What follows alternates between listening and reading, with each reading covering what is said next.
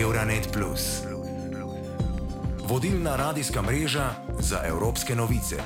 Evropska unija želi postati vedno bolj samozadostna pri oskrbi z minerali in drugimi kritičnimi surovinami, ki so bistvenega pomena za industrijo in za zagotovitev energetskega prehoda v uniji. To še posebej velja za liti, ki ga uporabljamo za baterije, naprimer v električnih avtomobilih. Trenutno smo v veliki meri odvisni od zunanjih virov, še posebej Kitajske. Toda že med pandemijo smo se soočili s težavami v dobavni verigi, energetska kriza, s katero se soočamo zaradi odvisnosti od ruske oskrbe s plinom, pa je dodaten dokaz, da ne moremo preprosto verjeti v nemoteno uveljavljanje trga in proste trgovine. Miloš Markič, član Geološkega zavoda Slovenije z oddelka za mineralne surovine in geokemijo, pojasnjuje. Namreč Evropa je bila ena od zibelk rudarstva, če odpišemo antiko. Ne? E, je pa to področje rudarjenja in pridobivanja surovin v Evropi zamrlo, teh govorimo o kovinskih, v zadnjem času tudi energetskih. In zdaj se je pa nam teče nekoliko voda v grlo, ko bi radi uh, uvajali nove tehnologije.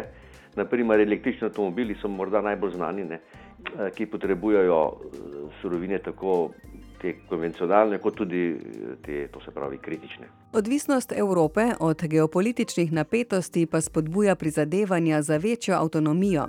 Da bi izboljšala samozadostnost, se Evropska unija ne zanaša samo na izkopavanje celotnega ozemlja, da bi našla vire, ampak si prizadeva tudi za alternativne poti, vključno z boljšim upravljanjem življenjskega cikla izdelkov. Po mnenju Alfredasa Skinulisa, direktorja Inštituta za varstvo okolja v Litvi, je najučinkovitejši korak k bolj trajnostnim baterijam recikliranje. Kovine in drugi elementi, uporabljeni v baterijah, imajo lahko drugo življenje. Skinulis zagotavlja, da bo v prihodnosti vedno več litij-ionskih baterij recikliranih, zato bi se lahko količina surovin, pridobljenih iz naravnih virov, zmanjšala. Mum yra svarbiausia naudojant ir vartojant kuo daugiau. Najpomembnejša stvar pri uporabi številnih baterij je, da jih izgubimo čim manj. Kot navaja Evropska komisija, nobene baterije ni mogoče izgubiti. Vse te baterije, vse kovine v njih bi lahko zelo dobro pridobili z recikliranjem. Pridobili bi jih lahko ne samo iz primarnih naravnih virov, temveč tudi iz odpadkov. Tudi če baterije niso več primerne za uporabo ali ponovno uporabo, jih je mogoče reciklirati. Imamo prave tehnologije. V Evropi je več tovarn, kjer predelujejo in pridobivajo liti, kobalt, baker, aluminij in druge kovine. In ti procesi se če dalje bolj pospešujejo. Ir tas procesas vis labiau įsibėgėja. Vsake surovine pa seveda ni mogoče reciklirati na enak način, pojasnjuje dr. Miloš Markič iz Geološkega zavoda Slovenije. Najvišjo stopno reciklaže ima naprimer železo, uh -huh. Pa tudi titan, pa nikel, te, te imajo. Ne.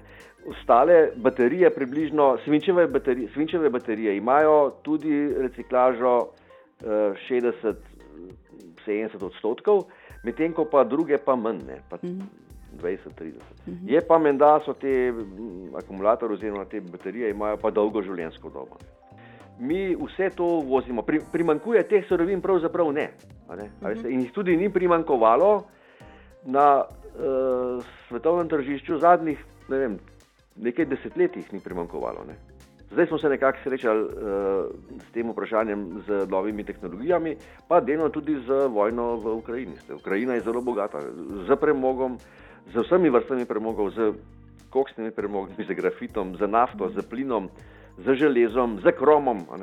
To je mogoče tudi tako, predvsem, to predvsem ta vzhodna Ukrajina. Vendar pa Evropska unija ne bo mogla napredovati v tej smeri brez pridobivanja nekaterih dragocenih materijalov.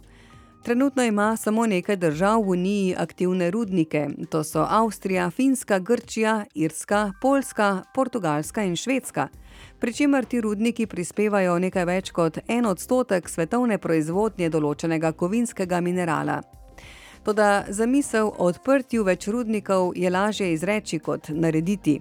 Rudarjenje ima veliko pomankljivosti, vključno z negativnimi učinki na biotsko raznovrstnost, okolje in kakovost življenja lokalnih prebivalcev. Številni evropski državljani se upirajo. Pot do rudarjenja je torej dolga in polna pasti. Tak je primer rudnika Litija Baroso na portugalskem, rudnika največjega v zahodnji Evropi, odprli naj bi ga leta 2026 v vasi Kovas de Baroso. Vendar so dela po številnih demonstracijah trenutno prekinjena. Nuno Forner iz okoljevarstvenega združenja Zero je za portugalski radio povedal, da ni nobenih poglavitnih razlogov, kot je samo skrba z redkimi materijali, da bi razmislili o vplivu novega rudnika. Tega ne moremo imati kot manjše zlo. Resno moramo oceniti, kakšni so vplivi, kako jih lahko zmanjšamo, s čim lahko kompenziramo, in če na koncu pridemo do zaključka, da ne moremo izvajati raziskav, bomo morali opustiti rudarjenje na teh ozemljih. Ne moremo se upirati na načela lahko hočem in ukazujem in raziskoval bom, ker obstaja nacionalni načrt za raziskovanje litija, ne glede na stroške. Zelo resno moramo razmisliti, ljudi na teh ozemljih je treba slišati in njihove pomisleke je treba upoštevati. Eden od omenjenih potencialnih vplivov na okolje je povezan z upravljanjem voda. Bližina občutljivih območij, zlasti v primeru rodarskih dejavnosti na ali v bližini območij Natura 2000 ali kakšnih drugih zavarovanih območij, je še ena velika skrb. Druge pomembne skrbi, o katerih poročajo, pa so možni vplivi na okolje, ekološka škoda v okolici in vplivi na druge vire dohodka. V mnogih primerjih je to kmetijstvo, pridelava hrane ali pa sosednje kmetije. Te učinke je mogoče razlagati tudi kot socialne učinke, se lahko vplivajo na dohodke ljudi. Ne na zadnje, rodarske dejavnosti veljajo za resno tveganje za zdravje. Zato je nujna celovita presoja vplivov na okolje in družbo. Je odpiranje novih rudnikov sploh združljivo z Evropskim zelenim dogovorom, sem vprašala profesorja dr. Željka Vukeliča, predstojnika oddelka za geotehnologijo, rudarstvo in okolje na Naravoslovno-tehnički fakulteti Univerze v Ljubljani. Dejansko so zelene smernice oziroma ta zeleni dogovor, ne, da se to pač začne vsaka država v določenem obdobju začne to opuščati. Ne. Zdaj, zaradi te energetske krize so pač popuščali pri teh kriterijih ne, in, in bi pač nekje odpirali. Mi te možnosti tako lahko nimamo. Mi pač to mhm. pridobivamo, kar bomo pridobivali lignit v Velenju, tisto, kar je bilo v zasavju uh, rjavega premoga in to naprej, tam je že vse upuščeno oziroma ekološko sanirano. Ne. Tako da zdaj uh, dejstvo je, ne, da po končanju rudarjenja morate iti pač v to ekološko sanacijo ne, z zapeljalnimi deli ne, in da pač v naravi pač povrnete nazaj tisto, mhm. kar je možno. Ne.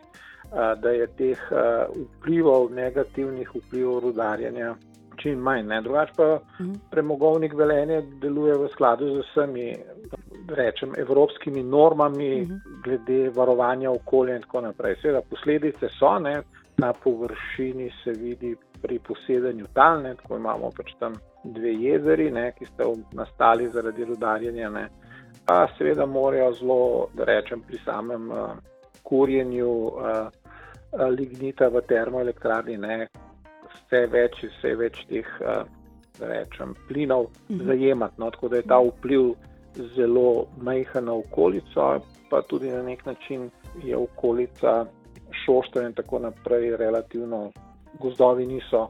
Več tako prizadeti, kot so bili v mhm. preteklosti, dokler še ni bilo teh čistil dimnih mhm. plinov. Upravljanje mineralnih virov, izdajanje dovoljen in rodarska zakonodaja so v polni pristojnosti držav članic Evropske unije, saj se surovine na splošno obravnavajo kot nacionalne naravne dobrine. Imajo nacionalno zakonodajo o raziskovanju, rodarskih dejavnostih in rodarskih pravicah. In trenutno ni celovite baze podatkov o rodarskih dejavnostih na ravni Evropske unije vendar zakonodaja Unije o okoljski ureditvi zagotavlja instrumente za načrtovanje in različne faze rudarskih dejavnosti, ter se lahko uporablja za zagotovitev, da rudarstvo in rudarski odpadki ne ogrožajo zdravje ljudi in okolja na nespremljiv način. Evropska komisija je nedavno začela javno posvetovanje o svoji prihodni zakonodaji o kritičnem materialu, ki se bo zaključilo 25. novembra prihodnje leto. Pridobiva prispevke javnosti o slabi diverzifikaciji virov oskrbe Unije s surovinami, neizkoriščenem potencialu zalog evropskega izvora, o okoljskih vidikih pridobivanja in kakšen je družbeni vpliv. Število rodarskih konfliktov se bo v prihodnosti samo še povečalo. Evropska unija bi se morala na to pripraviti tako z vlaganjem v javno medijacijo in reševanje sporov, kot ocenjevanjem temeljnih vzrokov za konflikte. Večjo pozornost je treba nameniti vplivom socialne pravičnosti, da bi razumeli in ublažili sedanje in potencijalne konflikte, ki izhajajo iz naraščajoče potrebe po mineralih. Poleg tega je pomembno povečati znanje in ozaveščenost o rodarskih dejavnostih na splošno in v zvezi z uporabo kritičnih materijalov ob upoštevanju, da vsak rudnik deluje v edinstvenem družbenem in okoljskem kontekstu in da enaki ukrepi verjetno ne bodo delovali v različnih primerjih. Ena od možnosti, da bi bile rudarske dejavnosti bolj sprejemljive, je, da morajo rudniki uporabljati 100-odstotno obnovljivo energijo. Prav tako bi morali od njih zahtevati nadomestilo za biotsko raznovrstnost, ki jo uničijo. To pomeni, da bi moralo biti ekološko nadomestilo obvezno v zakonodaji, da je izkopavanje teh rud okoljsko zahtevno, pravi tudi profesor dr. Željko Vukelič. Za tono ne vem, nekega litija rabite tam 2000 kubikov vode. Zdaj, mm. To morate vse imeti v zaključenem krogu, da vam to ne uide nekam. Ne? Da to potem predelate in vračate nazaj v proizvodnjo. No. Alfredas Skinulis, direktor Inštituta za varstvo okolja v Litvi, pa pravi, da je pri izdelavi litij-ionskih baterij resnično pomembno več pozornosti nameniti trajnosti proizvodnje. Kljub koristim teh proizvedenih baterij za ljudi, je po besedah strokovnjaka ključno ozeleniti pridobivanje surovin in tudi sam proizvodni proces bet kokiu atveju be pirminių žaliavų mes neįsisukame. Brez primarnih surovin ne moremo. Če govorimo o litiju, ga kopljajo predvsem v Avstraliji in v Čilu. Vsekakor gre za okolju neškodljiv postopek. Ko govorimo o kobaltu, pa je tu že večji problem. Velike količine kobalta se izkopljajo v Demokratični republiki Kongo, kjer sta človekovo izkoriščanje in onesnaževanje okolja enormna. Zato je pridobivanje kobalta resnično škodljivo za okolje in to vprašanje bi bilo treba rešiti na svetovni ravni. Kljub temu primarne naravne vire potrebujemo. Zato je zelo pomembno, da jih pridobivamo s čim bolj zeleno energijo, da čim manj onesnažujemo naravo in čim manj uničujemo zelene površine.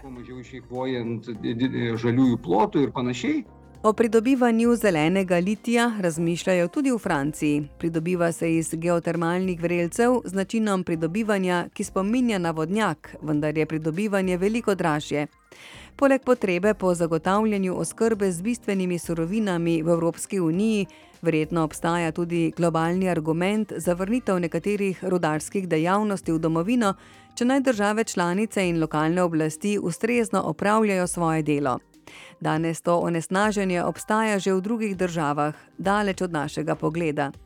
Liti v Evropski uniji porabljamo vsakodnevno, zato bi bilo normalno, da nosimo tudi negativne posledice njegove uporabe. S pravimi orodji bi lahko pridobivali kritične surovine na okolju in družbi bolj prijazen način. Euronet Plus za boljše razumevanje Evrope.